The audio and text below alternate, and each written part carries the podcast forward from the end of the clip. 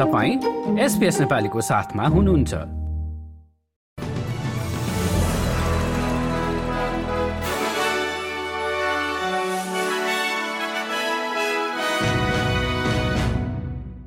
नमस्कार। आज सोमबार बिस नोभेम्बर सन् दुई हजार तेइस। अब पालो भएको छ एसपीएस नेपालीमा। आजका प्रमुख अस्ट्रेलियन समाचारहरू सुन्ने। सुरु गरौं अप्टस साइबर आक्रमण सम्बन्धी प्रसङ्गबाट।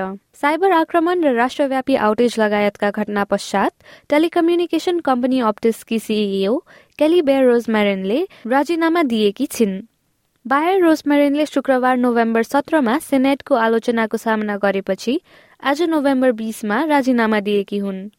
त्यसै सन्दर्भमा साना व्यवसायहरूका लागि नयाँ साइबर स्वास्थ्य जाँच कार्यक्रमको सुरुवात गरिँदैछ जसले उनीहरूको सुरक्षा उपायहरूको निशुल्क मूल्याङ्कन गर्ने अवसर दिन्छ।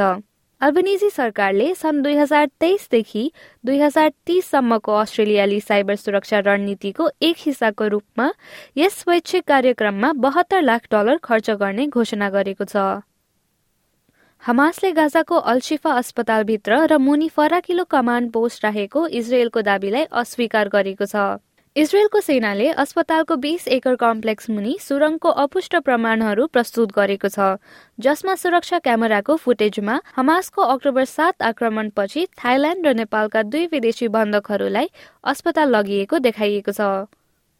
वेस्टर्न अस्ट्रेलियन सरकारको निर्यात आवासका लागि भएका प्रयासहरूलाई सहयोग पुर्याउने कार्य अन्तर्गत राज्यका प्रिमियर रजर कुक चीन जाने भएका छन्।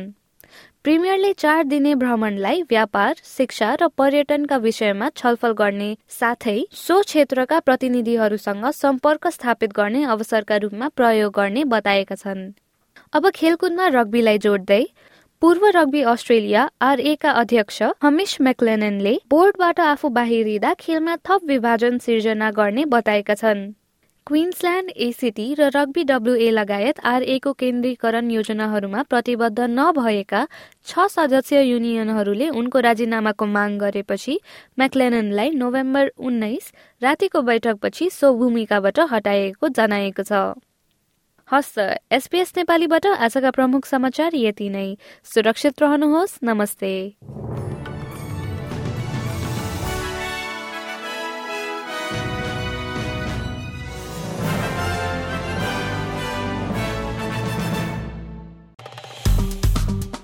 लाइक र कमेन्ट गर्नुहोस्। एसपिएस नेपालीलाई फेसबुकमा साथ दिनुहोस्।